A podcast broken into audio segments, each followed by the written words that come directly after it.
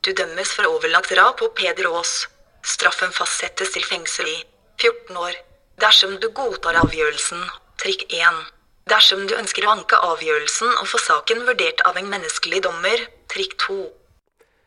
Det er kanskje en stund til dette er realiteten i domstolene. Men den teknologiske utviklingen går fort, og ny teknologi gir domstolene nye verktøy og nye muligheter. Vi skal forsøke å se inn i krystallkula, og i dagens episode snakker vi om hvordan kunstig intelligens, virtuell virkelighet og automatisert oversettelse kan påvirke domstolene i framtida. Du hører på Dommerpodden. Du hører på Dommerpodden. Da er vi i gang. Jeg heter Ola Berg Lande og er dommer i Oslo tingrett.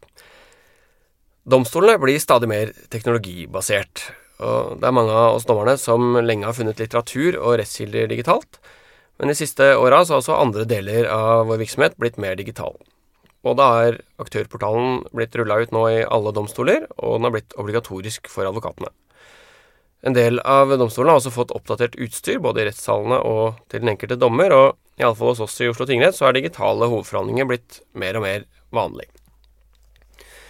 Vår første gjest er tingrettsdommer Frode Støle. Velkommen hit. Takk.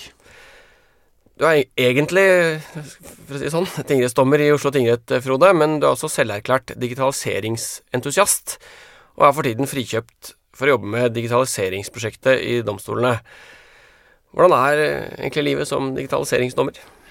Det er både kjempegøy og veldig annerledes, og av og til eh, frustrerende. Det er en utrolig forskjellig hverdag fra den jeg har hatt som eh, dommer helt andre typer utfordringer og helt andre måter å jobbe på. I stedet for å lede rettsmøter og skrive dommer, så har jeg holdt på med sånne ting som å skrive websider. For å lage veiledning til dommere og saksbehandlere i bruken av nye programvareverktøy. Vært med på å utvikle ny funksjonalitet i eh, Lovisa, denne her dokumentsamlingsfunksjonen som vi har fått. Som vi alle er veldig begeistret for. Ja, og vært med å teste og anbefale utstyr for digitalt dommerarbeid, og dessuten reist land og strand rundt eh, for å snakke med dommere og saksbehandlere om prosjektet og om nye måter å jobbe på. Og det er, har vært veldig gøy med det samspillet vi har hatt med Computas, som er det IT-firmaet som har laget Lovisa. Uh, og Det var ganske opplagt fra starten at det å lage nye systemer for domstolene krever at dommere og saksbehandlere involverer seg og jobber sammen med IT-ekspertene. Systemene må ivareta våre konkrete behov, og det går ikke uten at dommere og saksbehandlere bruker tid på systemutviklingen. Men uh, det som har kanskje vært litt overraskende, var at det var innmari gøy også. altså Det var veldig morsomt det tverrfaglige samarbeidet med, med utviklerne i, i Computas. Hvordan har samarbeidet nedover vært altså, mot, uh, mot, oss dommerne? Har, har, dere fått, uh, har, dere møtt begeistring, eller har det vært mye kjeft? Ja, altså i, Helt i starten så var det jo en god del Eller ikke en god del, men det var en del skepsis. og vi opplever vel egentlig at det vi litt sånn tøysete kalte for den analoge motstandsbevegelsen i, eh, i dommerkorpset særlig, det, det, har blitt en mindre fremtredende stemme etter hvert. At uh, vi uh, opplever at uh, folk ser verdien av det vi gjør, og, og, at det er mer positiv stemning. Det er betryggende å høre. Um, jeg syns det er veldig kult, det arbeidet dere gjør. Men hva, hva skjer i, disse, i, dette digitaliseringsprosjektet om dagen, da? Ja, um, jeg skal svare på, på, det du spør om der, men eh, kanskje først med tanke på temaet for, eh, for, dagens episode, si at eh, vi i, eh, i, vår gruppe i prosjektet jobber mest med det som jeg vil kalle for de nære ting. Eh, sammenlignet med, med, kunstig intelligens og, og, det vi skal snakke om eh, i dag. Jeg pleier å tenke at digitaliseringen av rettssaksarbeidet har flere faser eller trinn, hvor det meste av det vi driver med nå, er i trinn én. Eh, og trinn én er på en måte å sette strøm på papiret. Altså da sørge for at saksdokumenter kan utveksles elektronisk på en uh, sikker og enkel måte. Og lage gode og oversiktlige digitale dokumentutdrag eller samlinger. Og sørge for at disse kan presenteres og brukes i retten på en praktisk måte. Og i trinn to, i mitt hode, så, så snakker vi om fra dokument til informasjon. Altså at man går over fra bare å snakke om eh, dokumenter til å snakke om uh, informasjon. Og et enkelt eksempel kan være at uh, bevisoppgaven fra aktor ikke lenger kommer som et ark med tekst som dommere og saksbehandlere må tolke og deretter punche inn i rettsboken, men at den kommer som eh, det vi kaller strukturert informasjon fra politiets datasystem til Lovisa, på en sånn måte at Lovisa forstår det. Og Da trenger vi ikke å skrive rettsbok som et uh, Word-dokument. Vi kan i stedet få opp et delvis ferdigutfylt uh, skjema i Lovisa. Og Så ser vi i skjemaet at det neste som skal skje, er at vi skal høre vitne Pettersen. Og Når han kommer inn, så trykker vi på det feltet i skjemaet. Og Da starter lyd- og bildeopptaket, og Lovisa registrerer når forklaringen begynte, og Lovisa setter et bokmerke på opptaket som gjør det lett å finne tilbake til akkurat den forklaringen. Og når dommen er ferdig, sender vi slutningen til både politiet og straffesaksregisteret og kriminalomsorgen som informasjon som systemene i andre enden kan forstå. Da unngår vi en del feilkilder. Og trinn tre, da er det sikkert enda mer avansert utnyttelse av informasjonen, som eh, vi kanskje ikke kan forestille oss så lett nå, og hvor dagens tema i hvert fall kommer inn. Men eh, til det du spurte om, da, hva gjør vi nå? Um, vi eh, jobber med utrulling av nye PC-er til, til, dommerne, som du kommer til å få i løpet av, av høsten. Um, så får du også nytt program for å jobbe med PDF-dokumenter, Adobe Acrobat, som er den mer avanserte storebroren til uh, Adobe Reader som du har i dag.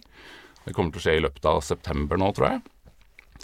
Uh, og så har vi laget en rapport som gått til styringsgruppen i digitale domstoler om rettssaler for papirløse rettsmøter. Hva slags utstyr trenger vi? Hvilken funksjonalitet skal det ha? Eh, hvem skal styre utstyret? Hvem skal sette den evinnelige streken i eh, dokumentene når vi dokumenterer ting? Det er vel det store spørsmålet her. Eh, ja. Nei, men Så kult. Det, som sagt, jeg syns dere, dere, gjør et kjempearbeid, i hvert fall det, det jeg har sett. Um, det høres ut som dere i, i denne omgangen i hvert fall jobber med eksisterende teknologi. Um, og uh, det som på en måte er tema for denne, denne episoden av Dommerpodden, er, er, vel mer sånn kommende teknologi, i hvert fall. Eh, og det, det, skjer jo noe hele tiden på det området, til, til noens begeistring og andres fortvilelse, antagelig. Eh, men siden domstolene vel får stadig strammere økonomiske rammer og, og, og kanskje flere og mer kompliserte saker, så er det for meg åpenbart at vi må følge med på den teknologiske utviklinga, og det forstår jeg vel deg også, Frode, sånn at det, det dere gjør. Ja, vi prøver i hvert fall. men et av de tech-områdene som er mest i vinden om dagen, det er kunstig intelligens.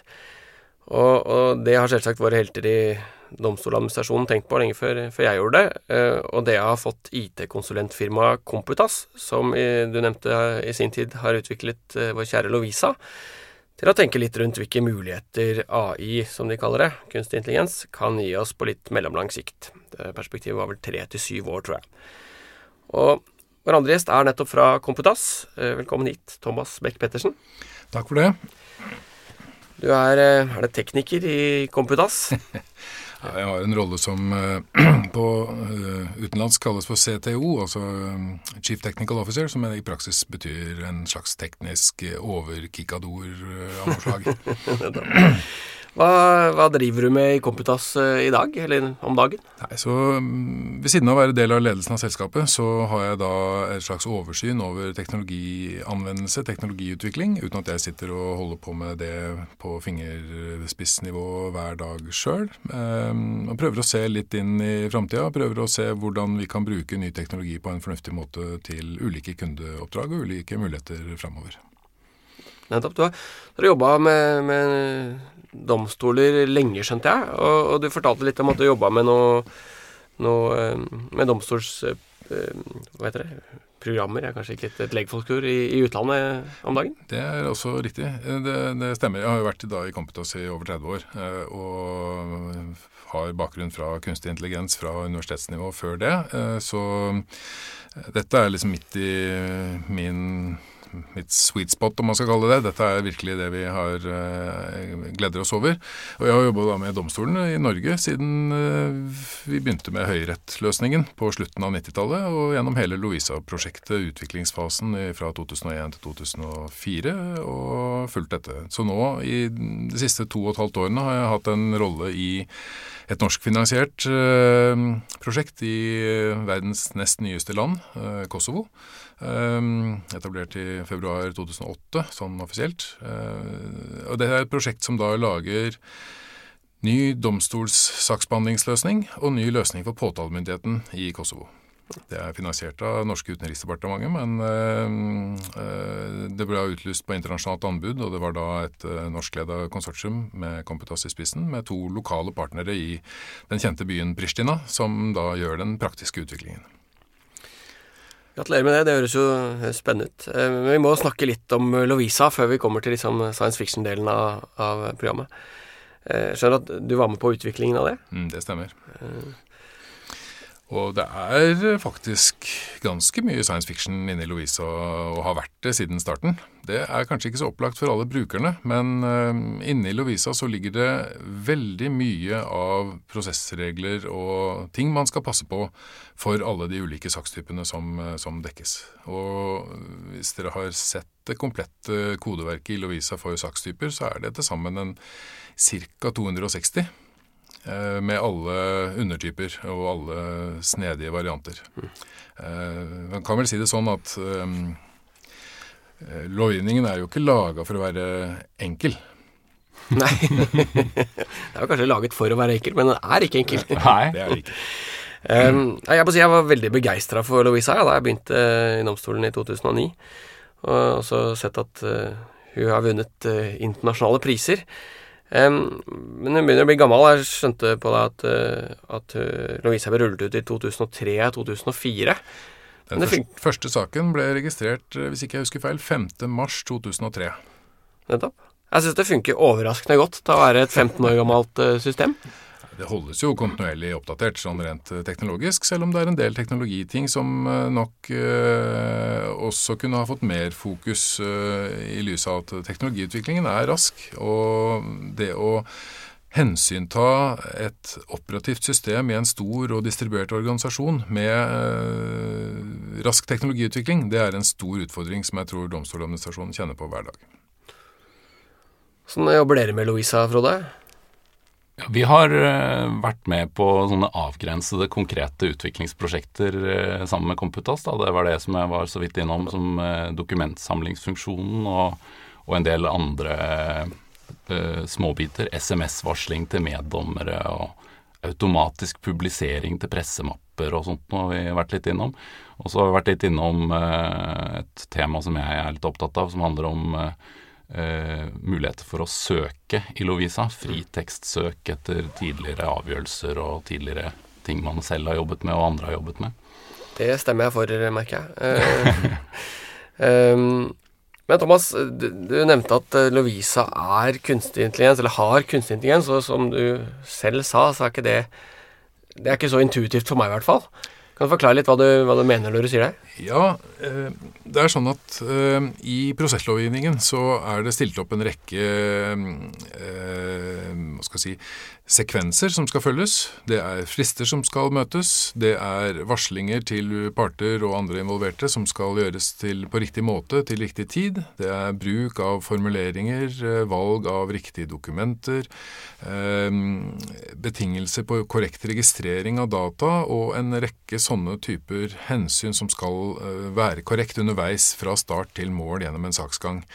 Eh, der inneholder Lovisa det vi på fagspråket kaller en deklarativ beskrivelse. Altså en beskrivelse som er skilt fra selve programmet, som gjør at vi kan oppdatere den juridiske logikken, altså prosesslogikken, uten nødvendigvis å måtte oppdatere hele programmet. Denne juridiske logikken den bearbeides av en generell, eh, kall det en regelmotor, inne i Lovisa, som gjør altså at vi kan, eh, vi kan få systemet til å oppføre seg slik, slik, vi vil, ved å endre på enkeltregler uten å måtte endre program, eh, en stor programmodul. Eh, det kommer vi sikkert litt tilbake til, men det er det vi, vi på vårt språk eh, noen ganger kaller en symbolsk tilnærming. Altså at vi har en representasjon av en prosessjurists eh, eh, beslutningskompetanse liggende inne i Lovisa.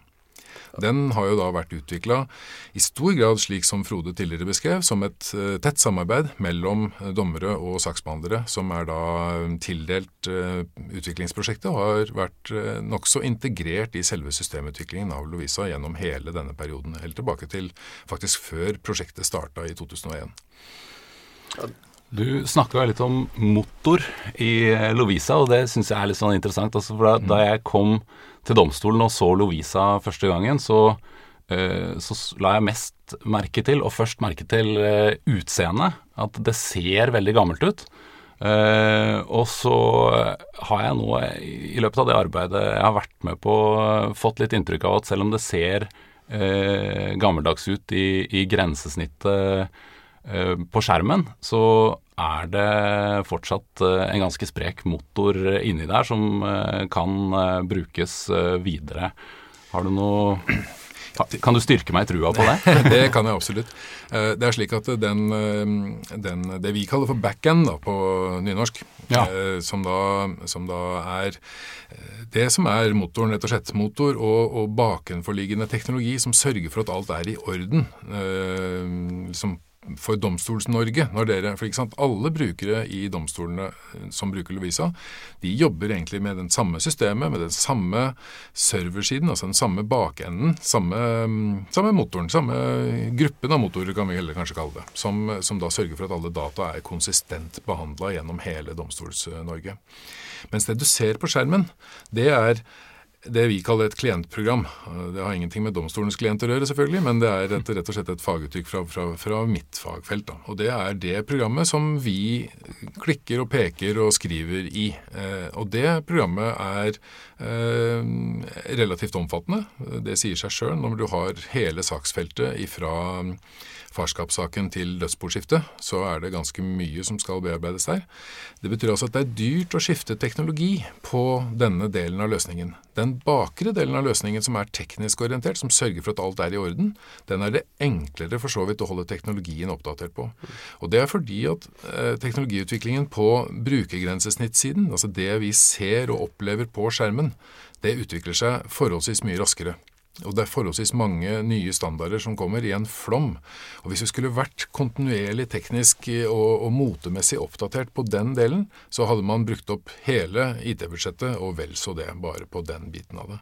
Men det er klart, ja, det ser litt grått ut, det gjør det. Men, eh, men eh, det det hadde ikke nødvendigvis vært så mye mer moderne på frontend-siden om det var lyseblått eller det var litt større avstand og litt større skrifttyper. Det trenger jo ikke å se ut som Facebook, det mener jeg ikke altså, men, men Det er noen av dommerne som ser litt grå ut. Og, Alright, vi, må, vi må videre, og, og temaet vårt er kunstig intelligens, så vi skal forsøke å se litt framover. Men før vi begynner med det, så må jeg bare ha deg til å kommentere dette, Thomas. Fordi du, eh, da vi maila forberedelsen til denne episoden, så skrev du at du hadde jobba med kunstig intelligens siden du studerte på 80-tallet, og det syns jeg var overraskende, fordi eh, altså det, da hadde jeg Commodore 64, selv om det var kult, så så oppfatter jeg vel ikke nå som noen sånn veldig intelligent maskin. Um, hva, hva var det man dreiv med når man dreiv med kunstig intelligens på 80-tallet? Ja, så Hele fagfeltet kunstig intelligens eh, er jo eh, et gammelt fagfelt. Det kan vi føre helt tilbake til Alan Turing og, og den, eh, krigens dager omtrent. Altså, det var spørsmålet hvordan kan vi få dette nye rare som ikke vi helt vet hva er, som vi nå kaller datamaskiner, eller andre ord, men til å oppføre seg eller delta i en resonnerings- eller en kunnskapsprosess med mennesker. Og noen, kanskje, noen av de mest teknologiinteresserte har kanskje hørt om Turing-testen, som er oppkalt etter den samme Alan Turing. Um, som da er hvorvidt du som menneske klarer å finne ut om din partner i en konversasjon er en datamaskin eller et menneske. Hvis du ikke klarer å skille, da har den datamaskinen på den andre enden bestått Turing-testen. Og det er liksom den ultimate. Det betyr altså at vi prøver å få eh, noe av det som er den måten vi mennesker bearbeider og, og, utnytter kunnskap på, til å kunne gjøres av en maskin. Det finnes en rekke teknologier som hjelper oss øh, i så sammenheng, og, og de har vært utvikla på datamaskiner med reelle resultater siden slutten av 50-tallet. Eh, Så det at de nå i dagens eh, og de siste par årenes medieflom har strømmet ut artikler om kunstig intelligens, og nå skal vi ha sentre for ditt og sentre for datt, det er fint. Eh, Men dette er ikke noe nytt. Det som er nytt, er egentlig at det nå dukker opp måter å tilby tilstrekkelig maskinkraft til alt dette på en, en mer forutsigelig måte gjennom det som kalles skytek- skyteknologi. Og Nå er ikke det noen forutsetninger for kunstig intelligens, men det er slik at hvis du skal etablere den samme kapasiteten i ditt eget datasenter, eller din, e- på ditt eget gutterom, eller hvor det måtte være, eller i, eh, hvor som helst, så har det en astronomisk kostnad som de eh, aller færreste vil kunne bære. Så er det noen få metodiske nyvinninger som har kommet også, annet det som kalles for deep learning, som høres jo helt magisk ut. Dyp læring, hva skal det være for noe? Eh, Så det begrepet kan egentlig ikke forstås uten å se det i lys av hva som er en slik læringsmekanisme i et såkalt nevralt nettverk, som også høres magisk ut. Men det er rett og slett en, en, eh, en eh, metodisk eller maskinbasert forsøk på å gjenskape måten nevroner i cellen, i, i nevroner i hjernen, eh, jobber sammen når vi treffer slutninger, når vi, når vi resonnerer eh, og, og, og løse problemer av forskjellige slag. Da får vi sånn Matrix-problematikk, ikke sant, hvor eh, maskinene slukker sola og sånn. ja, jeg tror ikke svaret er 42 eller noe sånt noe her ennå. Men, men, men det, som sagt, det finnes en rekke teknikker. Og, og mm, mange av dem var godt uh, utvikla og mer enn brukbare nok til å ta i, i, i praktisk kommersiell anvendelse allerede på seint 70- og tidlig 80-tall. Så det selskapet som jeg jobber i, altså Computas, ble etablert i 1985 nettopp på en bølge av entusiasme rundt hvordan vi skulle ta denne typen teknologi ut til industri og forvaltning. Eh, og det var da like etter at jeg begynte i det selskapet og har vært der eh, siden. Så det er riktig. Jeg studerte AI og kunnskapsteknologi på NTH i, på det glade 80-tall. og sånn metodisk sett så er det mye av det som vi så på den gangen som er like relevant i dag. Nå, nå har dere tenkt litt for Domstoladministrasjonen på hva domstolen har i vente på tech-området i fremtida. Ehm, og i den rapporten som jeg har lest, og som jeg hadde glede av, må jeg si, så um, er det tre hovedområder for anvendelse av teknologi i domstolene som dere har angitt. Det ene er det materielle området og det prosessuelle området, og så er det til slutt da det teknisk-administrative området. Klarer å liksom eh, helt kort si litt hvordan dere har tenkt om de områdene, og hva man kan få til, og hva som er realistisk? Ja, eh, det skal jeg prøve å få til. Og, og, og jeg kan starte med at eh, utgangspunktet for det hele var jo en, egentlig et slags skremmebilde om at uh, man kunne tenke seg at uh, mye av virksomheten til domstolene ble erstatta av en slik dommerrobot, eller robotdommer, som vi hørte innledningsvis i, eh, før selve vignetten til, til eh, dagens podkast. Um, så Derfor så fant vi det riktig å prøve å bryte dette ned i, litt mer analytisk, eh, i en mer, analytisk form. Og Da kan disse tre kategoriene, materielt, materiell, prosessuelt og teknisk administrativt, være en hjelp for vår eh, tenkning rundt det. På det materielle området, og det kjenner dere godt selvfølgelig, eh, så er det spørsmål om, om eh, teknologiens anvendelse direkte i det dømmende arbeidet. Altså hva skal til for å treffe riktig slutning, gjøre riktig bevisvurdering, sørge for riktig faktafremstilling osv. Hvilke typer tjenester, hvilke typer løsninger eller delløsninger kan teknologien tenkes å bringe på det området? Det vil jo være der en eventuelt robotdommer eh, hørte hjemme, naturlig nok. Så har vi det, det, prosessuelle, som dreier seg om hvordan skal saksbehandlingen og, og hva skal si, det å ta eh, konflikten fra den blir kjent til den blir løst eh, gjennom prosessene på en hensiktsmessig måte. Så kan vi litt enkelt si at det er der eh, teknologien i Lovisa i stor grad ligger nå. Det er representasjon som gjør at du sikres mot en del feil. Du hjelpes gjennom en del av de prosessuelle stegene som skal gå i henhold til eh, straffeprosesslov, tvistelov, skiftelov osv. Den siste kategorien, teknisk administrativt, den dreier seg jo mer om hvordan kan du bearbeide data på et eller annet vis, som ikke egentlig har noen direkte prosessuell føring, og iallfall ikke noen materiell føring, men som kan være rett og slett slike ting som oversettelse, hjelp til å beramme rettsmøter på en optimal måte, det kan være ja, ulike typer slike mer tekniske tilnærminger som er funksjoner som er attraktive, men som ikke har noen direkte relevans, eller som ikke er domstolspesifikke, kan man si. da. La oss prøve å, bli litt sånn konkrete på, på hva som eh, man kan tenke seg at eh, vi kan eh, gjøre. Og, og tenkte vi kanskje kunne begynne med det som liksom var litt sånn nært i tid. Um, og, og du nevnte jo nettopp hjelp til beramming, og i den rapporten som dere har skrevet, så er, beram- er det annet nevnt muligheten for en berammingsrobot. Hva, hva betyr det? Nei, ikke sant. Berammingssituasjonen er jo noe som tradisjonelt sett har, vært, eh, har krevd ganske mye eh, menneskelige ressurser. Fordi den har, den har krevd innsikt i ting som ikke har vært så tydelig representert. Eh, F.eks. dommeres eh, gjøremål, eh, tilgangen til riktig rettssal, kunnskap om advokaters og parters, og, og kanskje ikke særlig påtalemyndighetens gjøren og laden, som, som har gjort at man har brukt den typen litt u si, men, lært kompetanse til å sette opp en, en god plan for, for rettsmøter.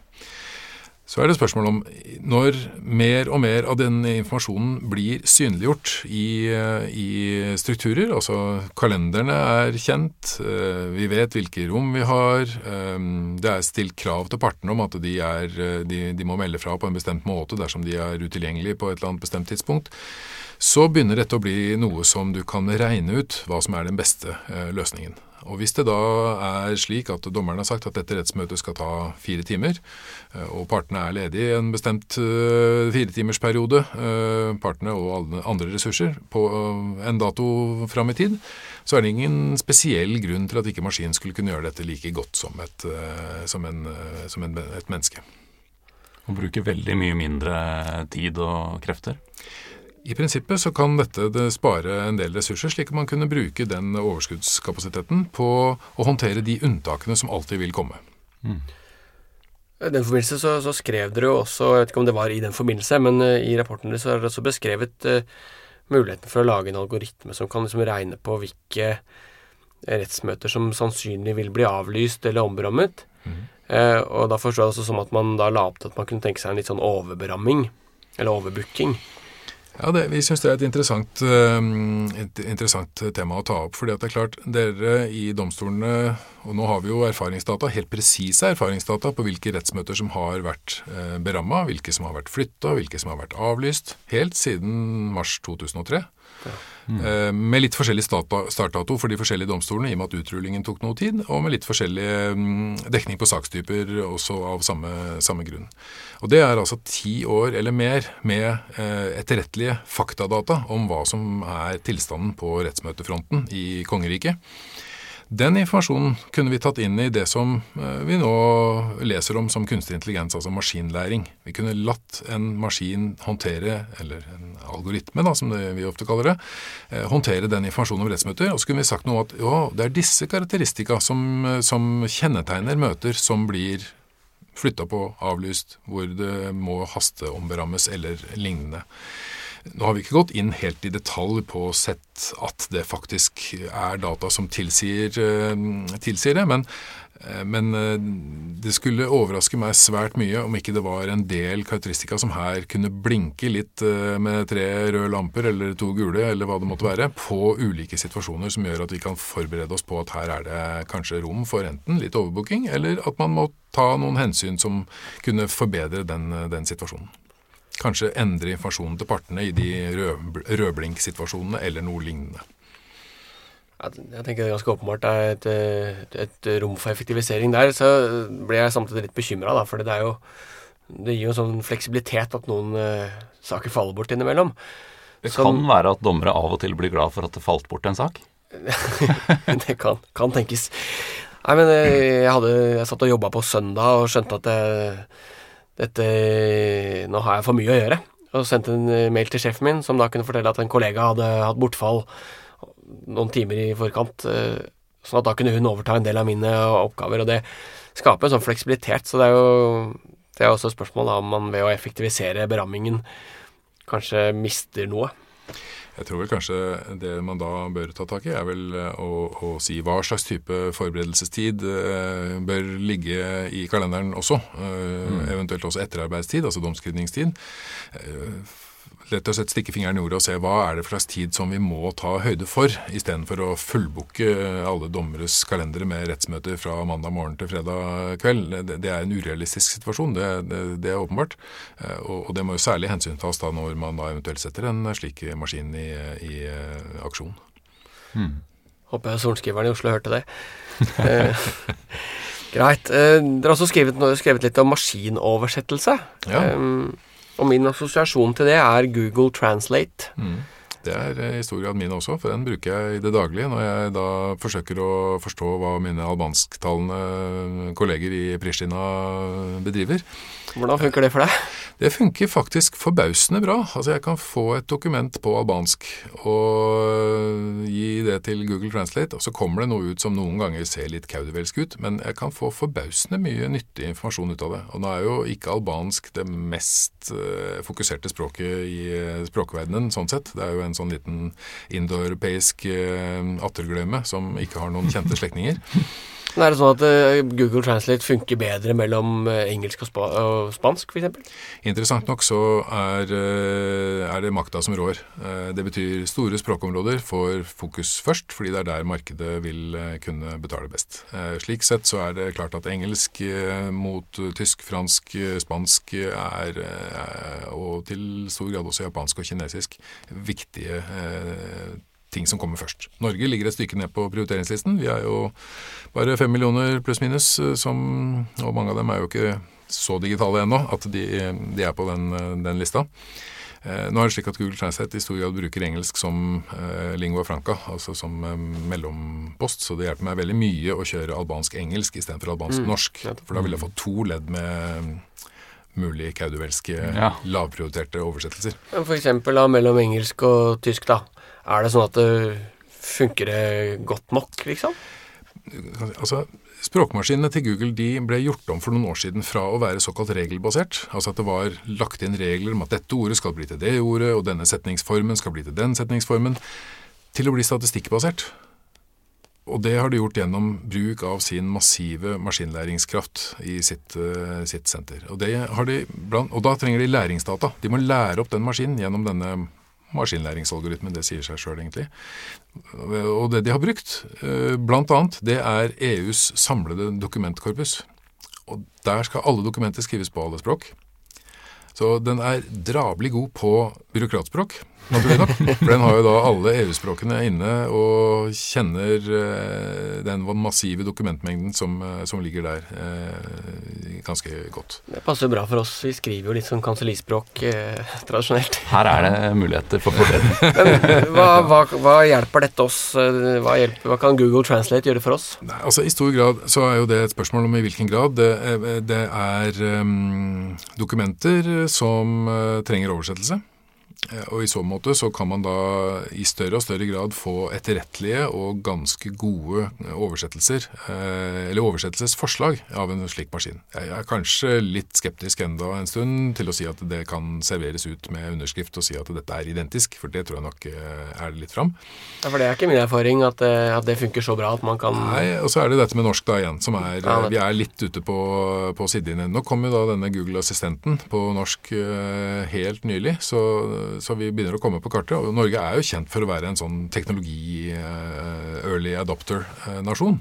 Så, så, av alle språk som har ca. fem millioner talende, så er nok norsk blant de fremste på lista, vil jeg tro. Men det er klart vi havner i køen bak tysk og fransk og, og, og slikt. Det neste er jo å koble det sammen med tekst til tale og tale til tekst. Og Da begynner det å bli noen utsikter som er spennende. For det er klart at antallet saker som har uh, tolker av mer eller mindre kvalitet uh, og med større eller mindre erfaring og større eller mindre avstand til den part eller vitne de skal uh, tolke for, er jo en interessant setting i domstolene, men like fullt som det er det hos Utlendingsdirektoratet f.eks. For, for det du tenker på da, er at man kan tenke seg at du har et vitne som eh, forklarer seg på spansk, f.eks., mm. og så mhm. har du en automatisk oversettelse eller ja. først tale til tekst, så en oversettelse, så tekst til tale, hvor du har en maskin da, som leser opp på norsk. Nettopp. Det vitnet forklarer seg helt simultant. På sånne korte turistfraser så er jo dette allerede mulig å få til. Men det er et styrke, stykke derfra til en lengre eh, forklaring, en utredning, en eh, generell anvendelse innenfor et, eh, et problemområde som en bestemt eh, sak i domstolene dreier seg om. Det det er nokså klart. Men jeg tror å avskrive denne typen løsning eh, nå, for også ved å si bare rett og slett at dette er urealistisk, da tar vi og begrenser et rom som vi ikke skal gjøre. Tar vi for pessimistiske? Ja. Men eh, det kommer ikke i morgen. Uh, Iallfall ikke i en slik hva skal jeg si, live uh, automattolkform. det gjør det ikke. Med Mindre vi har et vitne da, som bare skal, forklare, eller som bare skal si 'jeg lurer på veien til Stortinget'. Nettopp. Nærmeste pizzarestaurant. Nettopp. Um, ja, før vi forlater dette, den, eh, litt sånn de nære mulighetene, så skriver du også om en, eh, om den, en mulighet for en rettsmøteapp. Og det opplever jeg egentlig var noe av det du beskrev, Frode. Altså du, du snakket om at man skulle få dataene inn, og husker jeg ikke hvordan Ja. du brukte, men Jeg, jeg tenkte også det da jeg leste eh, rapporten eh, til Thomas, at uh, rettsmøteappen er eh, Beskrivelsen av den eh, lignet litt på det jeg tenkte på med sånn eh, eh, rettsbok i skjemaform i Lovisa. da. jeg får fortelle hva er det dere har tenkt. Nei, altså vi eh, Allerede ved sluttfasen av utviklingsprosjektet tilbake i eh, 2003-2004 så skrev vi en, eh, et forslag om hvordan vi kunne lage et spesielt rettsmøtegjennomføringsverktøy. Altså en alternativ, eh, et alternativt skjermbilde i Lovisa som kunne være på dommerbordet under rettssaksgjennomføringen. Delvis trigget av det faktum at vi var jo meget overraska, for å si det mildt, over eh, rettsbokmalen, slik den vel fremdeles eh, foreligger. Altså en slags litt sånn boilerplate-aktig greie hvor du skal skrive en hel masse tekst. Men allikevel ikke et referat. Eh, sånn at det, det stoppa litt halvveis for oss når vi så det. Eh, Hva, hva, hva er vitsen? Jeg er veldig enig i at her er det spennende å tenke på nye måter å gjøre det på. Og så vet vi at et rettsmøte har en grammatikk. Det er en åpning, det er en, eh, en fase med forklaringer, det er en eh, forklaring, eh, replikk, eh, spørsmål, bla, bla. Det, er, det finnes en grammatikk for hvordan et rettsmøte ser ut. Den grammatikken kunne man bygge inn i et slikt verktøy, men det måtte ha en viss fleksibilitet, selvfølgelig. Og da, da, da, da kunne veldig mye av den eh, refereringen eh, foregå ved hjelp av nærmest trykk på knappen-ting. Trykke på Peder Aas-vitne, og så ja, fordi Lovisa vet jo allerede hvem som er innkalt. Den vet jo hvem som er der, og det bør jo fortrinnsvis ved rettsmøtet start tas opp en liten eh, logg og hvem som faktisk dukka opp, og hvem som ikke gjorde det. slik at dette er ikke noe ukjent informasjon. Klokka kan jo et datasystem, så det kan vi få til. Eh, Og når man da kobler dette med lyd og eller bilde, så gjør det det ytterligere interessant. fordi at hvis man skal kreve at eh, rettens administrator eller en dertil egna ekstraperson sitter og betjener et konsoll for håndtering av eh, alle slike praktisk-tekniske ting underveis i et rettsmøte, så blir det kanskje litt som allmennlegen som er mer opptatt av ta- ta- tastaturet og eh, journalsystemet enn av pasienten som sitter på den andre siden av, eh, av bordet.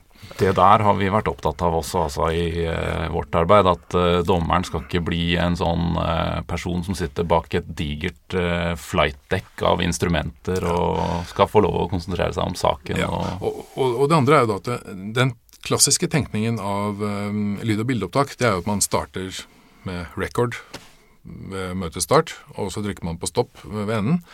Og så må man i praksis spille gjennom hele sulamitten for å få ut noe særlig interessant. Det er åpenbart at uh, dette burde vært uh, kobla til den enkelte forklaring. Det burde vært slik at det var lett å finne nøyaktig hvilken uh, type uttalelse som kom fra Peder Aas og Lars Holm underveis i dette møtet. Og det siste som har skjedd de siste par åra, det er jo at disse verktøyene er blitt stadig bedre til å lage tekst ut av den talen. Og hvis det er snakk om video, faktisk til og med lage live undertekster på videoen mens det går. Og jeg har sett flere demonstrasjoner av dette som funker godt nok. Det er ikke presist, men det blir godt nok at du faktisk kan lage live undertekster på en video. Eh, Og når du kobler det med muligheten til å lage da chunks av slike opptak, og koble det direkte til eh, forklaringene til de respektive, så begynner dette å bli en, en eh, informasjonsmengde som er brukbar. Et åtte timers eller seks timers opptak er i praksis ikke brukbart, bortsett fra i en slags mer inkvisitorisk sammenheng hvor du er ute etter å virkelig gå inn i dybden. Det tar fryktelig lang tid å bruke den typen eh, opptak eh, hvis det bare er lange sekvenser. Så da, en sånn rettsmøteapp ideelt sett da vil jo gjøre det mye enklere å gjennomføre rettsmøte, mye mindre behov for å, for å, å sitte og skrive underveis, Ja. samtidig som det vil logge eh, på en måte start og stopp og innholdet i eh, en transkribert eh, versjon av, det som blir sagt, f.eks. Ja. Og jeg har jo hørt eh, enkelte, um enkelte eh, toneangivende faggruppemedlemmer av Lovisa utviklingsteamet, altså av dommere og, og saksbehandlere. Jeg husker faktisk ikke nøyaktig hvem som sa det, men han sa at det er ingen steder det ljuges så mye som i norske rettssaler. um, og det er klart at det, det vil jo da være noe lettere å spole tilbake til og dokumentere hvis man hadde dette på en uh, klar og tydelig måte. Mm. Ja, En annen teknologi som er uh, kommet langt, det er dette med tekstforståelse. Eh, Det er gjort et eh, forsøk som som eh, Det var vel i regi av Microsoft, tror jeg faktisk. eh, Som tok en stor tekstmengde og lot en slik maskinlæringsautomat, eller robot om vi skal kalle det det, eh, lese denne tekstmengden og lage et sammendrag. Og det ble gjort eh, krysstesting med menneskelige eh, sammendragsskrivere av den samme teksten. Og det var eh, i dette forsøket tydelig at det var det maskinkonstruerte sammendraget som var det beste. Så kan man jo alltid stille spørsmålstegn til kvaliteten av den typen studier, men det illustrerer at, eller illustrerer at en, en slik eh, tilnærming kan ha en stor nytteeffekt. åpenbart eh, en, en mulighet for oss i domstolene, som tenker vi å gjennomgående forholder oss til eh, ganske store dokumentmengder, og noen ganger med litt dårlig tid. Mm. Eh, Fengslingssakene er liksom eh, kanskje et typisk eksempel hvor du kanskje får dokumentene, eller en stor dokumentmengde kort tid før du skal i retten, og hvor det i virkelighetens verden er helt urealistisk at man skal sette seg inn i alle dem. Og da ha en sånn eh, en robot som kan fortelle deg litt sånn kortversjonen, highlights. Ja, og i hvert fall også hjelp til å finne fram til ting i svære mengder av, mm. av tekst. Det må jo være et eh, nyttig område å se nærmere på. Det er klart det er en rekke praktiske ting som man må se på da i lys av anvendelsen av dette i et eh, juridisk domene, og med den typen dokumenter og den måten dette er eh, fremstilt på. Men, men her tror jeg det er eh, mulig med eh, overkommelige midler å komme et godt stykke på vei. Men uh, gutter er kanskje ikke lov. Jo. venner, uh, hva med skal vi kalle det teknologisinkene i domstolen? Kommer det til å bli sånn at man ikke kan jobbe i domstolen uten å ha liksom veldig høy teknologisk kompetanse? Jeg tror det er en av de illusjonene som vi må ta litt eh, fatt i. fordi at eh, noe av det som er vesentlig å tenke på her, det er at disse nye teknologiene vi snakker om, det er egentlig bare fortsettelsen av eh, anvendelsen av helt andre teknologier som vi er vant til. Nå har vi brukt datamaskiner noen år. Før det så var det elektriske skrivemaskin med rettetast. Og før det igjen så var det jo ofte andre, mer primitive virkemidler. Så jeg ser på det som Hvis jeg tenker på alle de verktøyene, alle de, alle de byggeklossene vi har for å lage løsninger, eh, se på det som en slags kasse med Lego. Des, disse nye tingene på, på AI eller kunstig intelligens, det er egentlig at nå har vi fått en sånn ny boks som vi kan putte opp i kassa med Lego. Det er sånn Lego-teknikk. Som har tannhjul og akslinger og litt sånn. Vi kan lage kulere ting. Men de skal være fortsatt like enkle å bruke. Og det er der eh, sant, grenselandene mellom oss da som utviklere og fagfolkene som da kommer til prosjektet med realinnsikten i hva er det vi egentlig jobber med, hvilke situasjoner er vi i når vi skal bruke disse verktøyene, eh, kommer på plass. Og Det er det våre utviklere syns er morsomst. Det er når de får bryne seg sammen med fagfolkene og, og liksom se hva er det som egentlig gjør en forskjell. Og hvis, det, og hvis det samspillet fungerer bra, så tenker jeg at teknologien kommer til å gjøre at vi, at vi får hjelp, og at det blir enklere å gjøre oppgavene. Men, men det blir nye måter å jobbe på, og man må liksom bare ha et åpent sinn. og ikke, ikke heller bli teknologiekspert, men være, være litt åpen for endringer.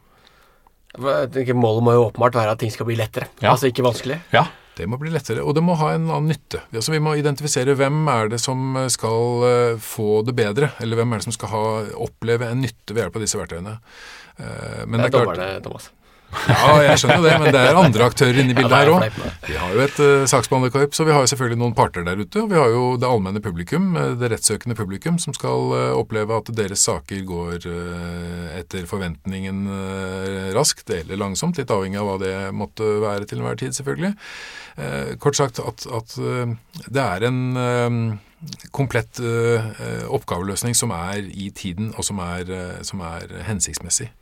Nå kom jeg på, Thomas, eh, når du nevnte dette med publikum, som jeg selvfølgelig har glemt når jeg har forberedt denne episoden.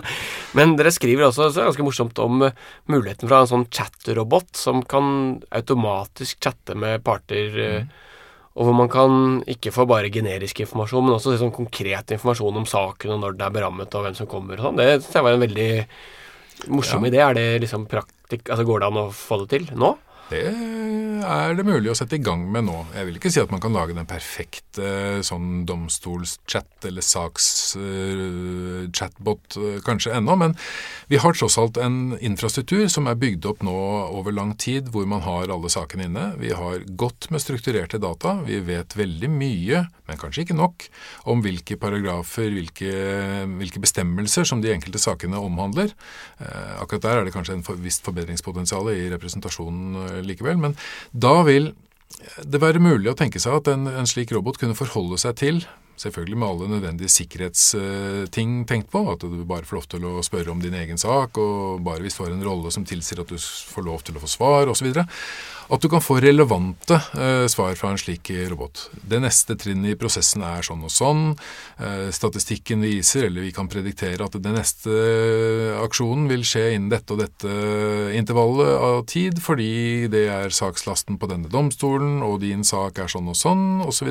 Slik at du vil kunne gi en mye bedre service eh, uten å kreve ekstra personalressurser i domstolene for, eh, for eh, sakens involverte.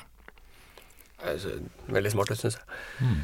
Ålreit, la oss um, Vi er glad i å prate, så vi må komme oss videre. Um, la oss uh, snakke litt om uh, Fristende å si dommerroboten, men, uh, men litt sånn hva som er mulig på, på litt lang sikt, og litt på, på det materielle området, som, som dere kalte det i Komputas, eller i rapporten. Og, og um, Jeg vet ikke om du vil liksom innlede litt om det, Thomas? Jeg kan jo innlede litt med, og, og da blir det kanskje litt teknologi, så bare hold fast i stolen. Um, vi snakker da veldig fort om det, at vi ønsker å få en maskin til å kunne gjøre en slags eh, prediksjon, en slags bestemmelse av et utfall. Eh, og, og, og det kan i dag denne teknologien gjøre gjennom noe som kalles for maskinlæring. Maskinlæring betyr at vi tar et stort datasett, og så deler vi det i to deler. Én for å lære opp maskinen, og én for å teste om læringen var vellykka. Så har vi si to tredjedeler til det første og en tredjedel til det siste. Så bruker vi en slik maskinlæringsalgoritme til å, til å sette opp en slags eh, automatisk modell av hva ville svaret vært hvis vi pøste inn disse dataene, eller en sak som, som stemmer overens med disse dataene. Og Da kan altså systemet lære, eh, og, og, eller det lærer jo egentlig kanskje ikke, da, men du tilpasser en slags eh, automat til å kunne komme med det svaret som stemmer overens med fasiten fra de virkelige læringssakene som vi pøste inn. Og Så bruker vi da den delen vi ikke brukte til å lære opp systemet, til å teste om læringen var vellykka. Og I etterkant av det så vil altså denne modellen kunne si at for alle, hvis vi kommer inn med en ny sak, så vil den kunne komme med et svar som matcher med den historikken i det, i det materialet vi har pøst inn i maskinlæringsalgoritmen. Så for alle saker som stemmer godt med den eh, læringssaksgruppen, så vil da denne maskinen kunne komme med et svar som er eh, i tråd med de tidligere avgjørelsene. Så det følger presedens, kan man si da.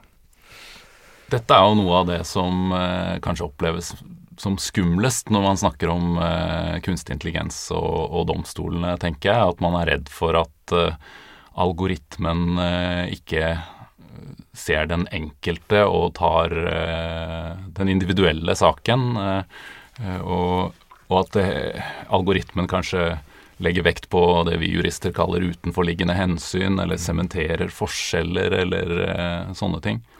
Det er jo også noe av grunnen til at vi i den aktuelle rapporten som vi nå snakker om, eh, ikke bare tok utgangspunkt i det som kanskje var det litt tabloide startpunktet, nemlig la oss skrive noe om robotdommeren, men la oss prøve å bryte dette ned litt analytisk i forskjellige typer tilnærminger og se på hvilke deler av dette som er enklere og vanskeligere, og som har mer eller mindre problematiske sider ved seg, og som derfor må, må, må, må jobbes ordentlig med. For det er klart, det har noen noen veldig tydelige ulemper. Det første er at en slik maskinlæringsalgoritme den vil jo forholde seg til læringsmaterialet sitt. Det betyr også at det må være relevant, det må være kvalitetssikra, det må inneholde ting som vi er fornøyd med. Og så må vi forstå at det klarer jo da selvfølgelig ikke å bruke den samme metoden til å svare på noe som ikke er i, samme i det samme landskapet som disse, disse læringsdataene. Så hvis det kommer en sak som er noe annerledes, eller hvor vekten burde ligge på en parameter som ikke lå i læringsdatasettet, så er denne eh, dommerroboten, om vi skal kalle den det, da, etter en slik modell, da er jo den på jordet.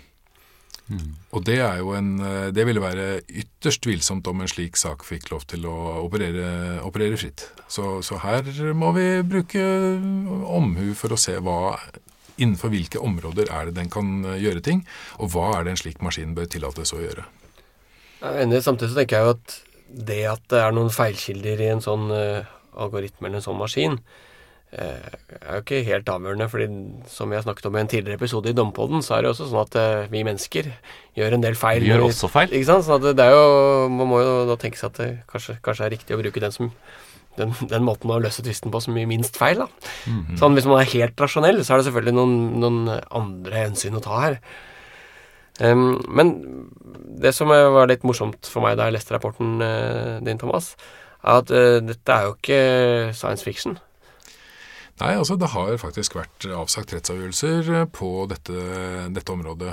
Eh, både ved hjelp av slik teknologi, og avgjørelser som også da bestrider anvendelsen av slik teknologi, iallfall i det til, mest kjente tilfellet som er en sak fra USA hvor en eh, Nå, nå gjaldt jo den for så vidt et område som er relativt tidlig, egentlig, eller eh, Det dreier seg ikke om den hovedavgjørelsen i en sak, men det var altså rett og slett hvorvidt en person skulle, skulle løslates på prøve eller ikke. Og, og det sa denne maskinen i det konkrete tilfellet eh, nei til, ut ifra kjennskap til Eller ut ifra algoritmen som den da brukte. Som var lært opp gjennom et antall tidligere saker av samme art, og hvorvidt denne, dette utfallet var vellykka eller ikke. Det var en prediksjon og gjentakelsesfare, så vidt jeg forstår? Ja, det stemmer. Mm. Så maskinen sa at her var det gjentakelsesfare, og, og um, den eh, avgjørelsen ble tatt videre. Og falt da i neste instans ved at eh, man eh, ikke fikk innsyn i algoritmen, fordi det var rett og slett et, eh, et, en slik sammenkokt algoritme av noe matematisk art som ikke kunne forklare hvorfor, og som dessuten var av leverandøren ansett for å være en forretningshemmelighet. Nettopp, og det bringer oss jo Vi må si litt mer om andre virkelige, virkelige, verktøy som finnes på dette. Men det bringer oss litt til et tema som, som vi kaller for black box-problematikk. Eh, kan en av dere fortelle oss hva det betyr? Ja, altså Det er kanskje Thomas som eh, er nær, nærmest til å, å, si hva det betyr, men eh, sånn som jeg har eh, forstått det, da, så, så er jo algoritmene induksjonsbaserte, eller de, de generaliserer ut fra en rekke enkelt observasjoner til eh, generelle regelsetninger. Ehm, og, og, bruker da historiske statistiske data for å eh, forutsi risikoen for f.eks. gjentatt voldskriminalitet mm. eller eh, sånne ting. Ja, altså, Vi var tidligere inne på uh, dette med forskjellen mellom uh, symbolske løsninger og mer sånn ikke-symbolske, eller subsymbolske, som vi kan kalle det, altså matematikkbaserte løsninger.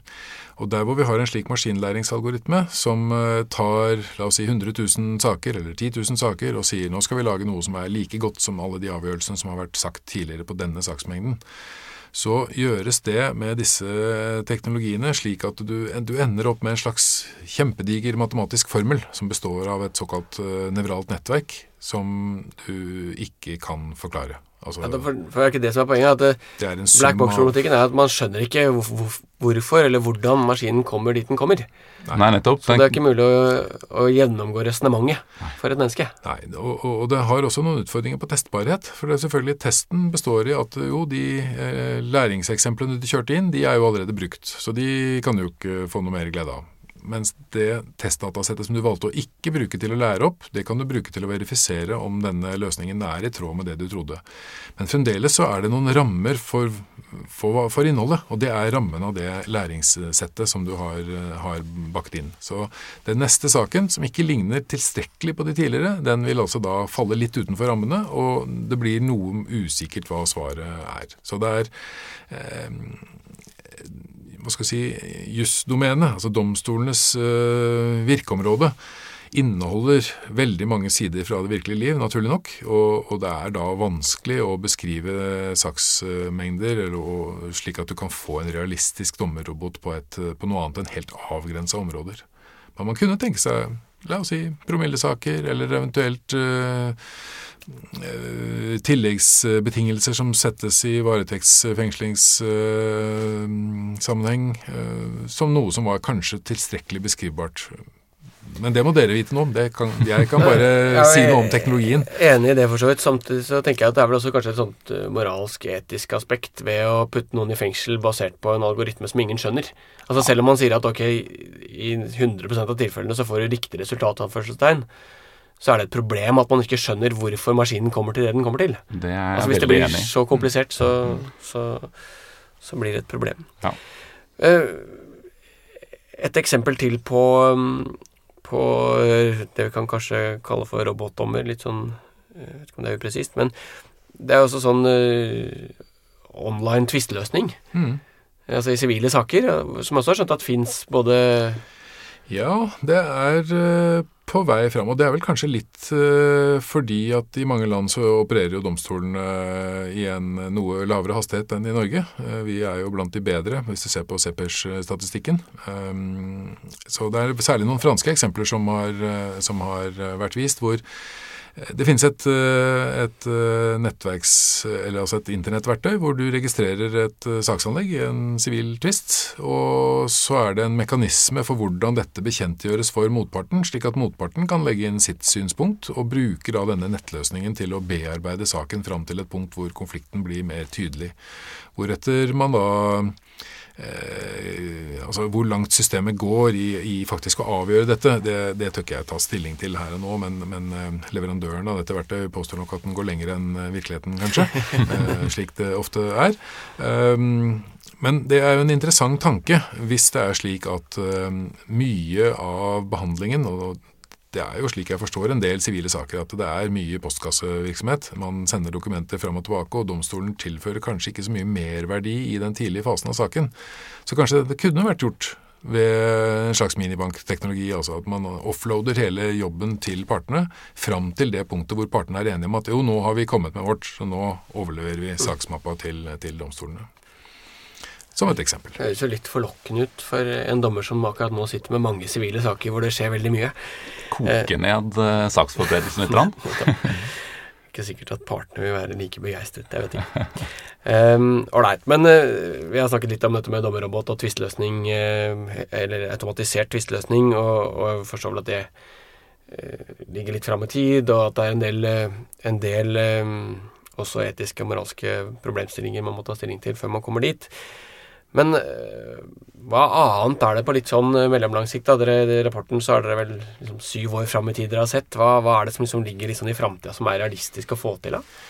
Det er ubehagelig vanskelig å svare på et sånt eh, spørsmål. fordi at hvis vi tenker oss syv år tilbake i tid, så er det jo like relevant å spørre seg hva var det for syv år siden som vi eh, trodde skulle skje i dag, og som faktisk skjedde, og hva var det som ikke skjedde.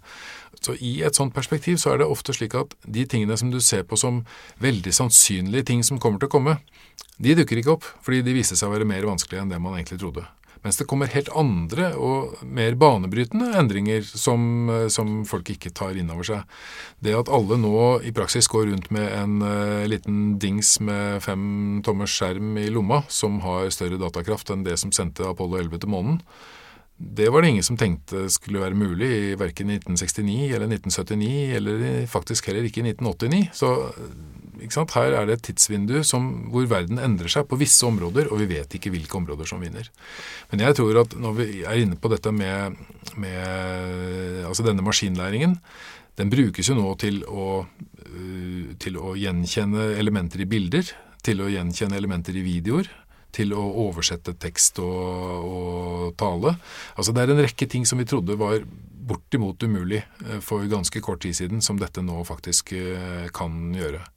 Og, så det er å holde seg litt orientert om hva det kan eh, foreta seg, disse, disse algoritmene, og, og bruke dem på ting hvor vi kan se at her kan vi få en nytte.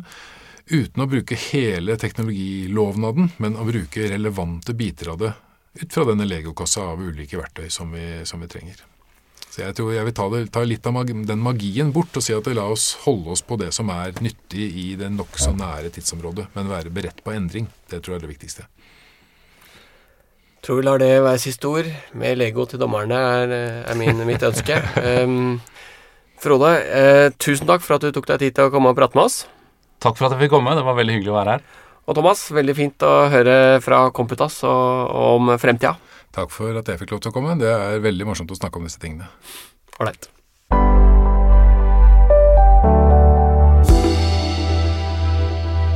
Dersom noen av lytterne er interessert i å lese mer om dette temaet, så har Komputas som nevnt flere ganger laget en rapport som ligger tilgjengelig på internett. Den heter Praktisk bruk av AI, VR og automatisk oversettelse i norske domstoler, så hvis du googler eller binger det, så tror jeg nok sikkert du finner eh, den rapporten. Eventuelt kan du sende en mail til podkast så skal jeg sende deg en lenke. Dersom du lurer på hva som skjer i prosjektet Digitale domstoler og har tilgang til domstolenes intranett, så er det en egen side om temaet der. Og er du en av dem som er interessert i AI på et mer sånn samfunnsmessig og filosofisk nivå, så tror jeg jeg kan anbefale podkasten Waking Up with Sam Harris. Det er en knallbra podkast, rett og slett, som behandler en rekke forskjellige temaer. Og der er det annet da flere gode episoder om kunstig intelligens, der temaet behandles på en forståelig måte. Du har hørt på Dommepodden. Dommepodden er en podkast fra Norges domstoler, og er først og fremst ment som et kompetansetiltak for dommerne. Foreløpig er dette et eh, prøveprosjekt, og vi som lager podkasten, er interessert i å høre hva du syns. Hvis du har ris, ros eller forslag til temaer eller folk vi kan prate med, blir vi glad for å høre fra deg. Send en mail til podkast og gi oss en mulighet til å bli bedre. Ha en god dømmende hverdag så lenge. Vi høres.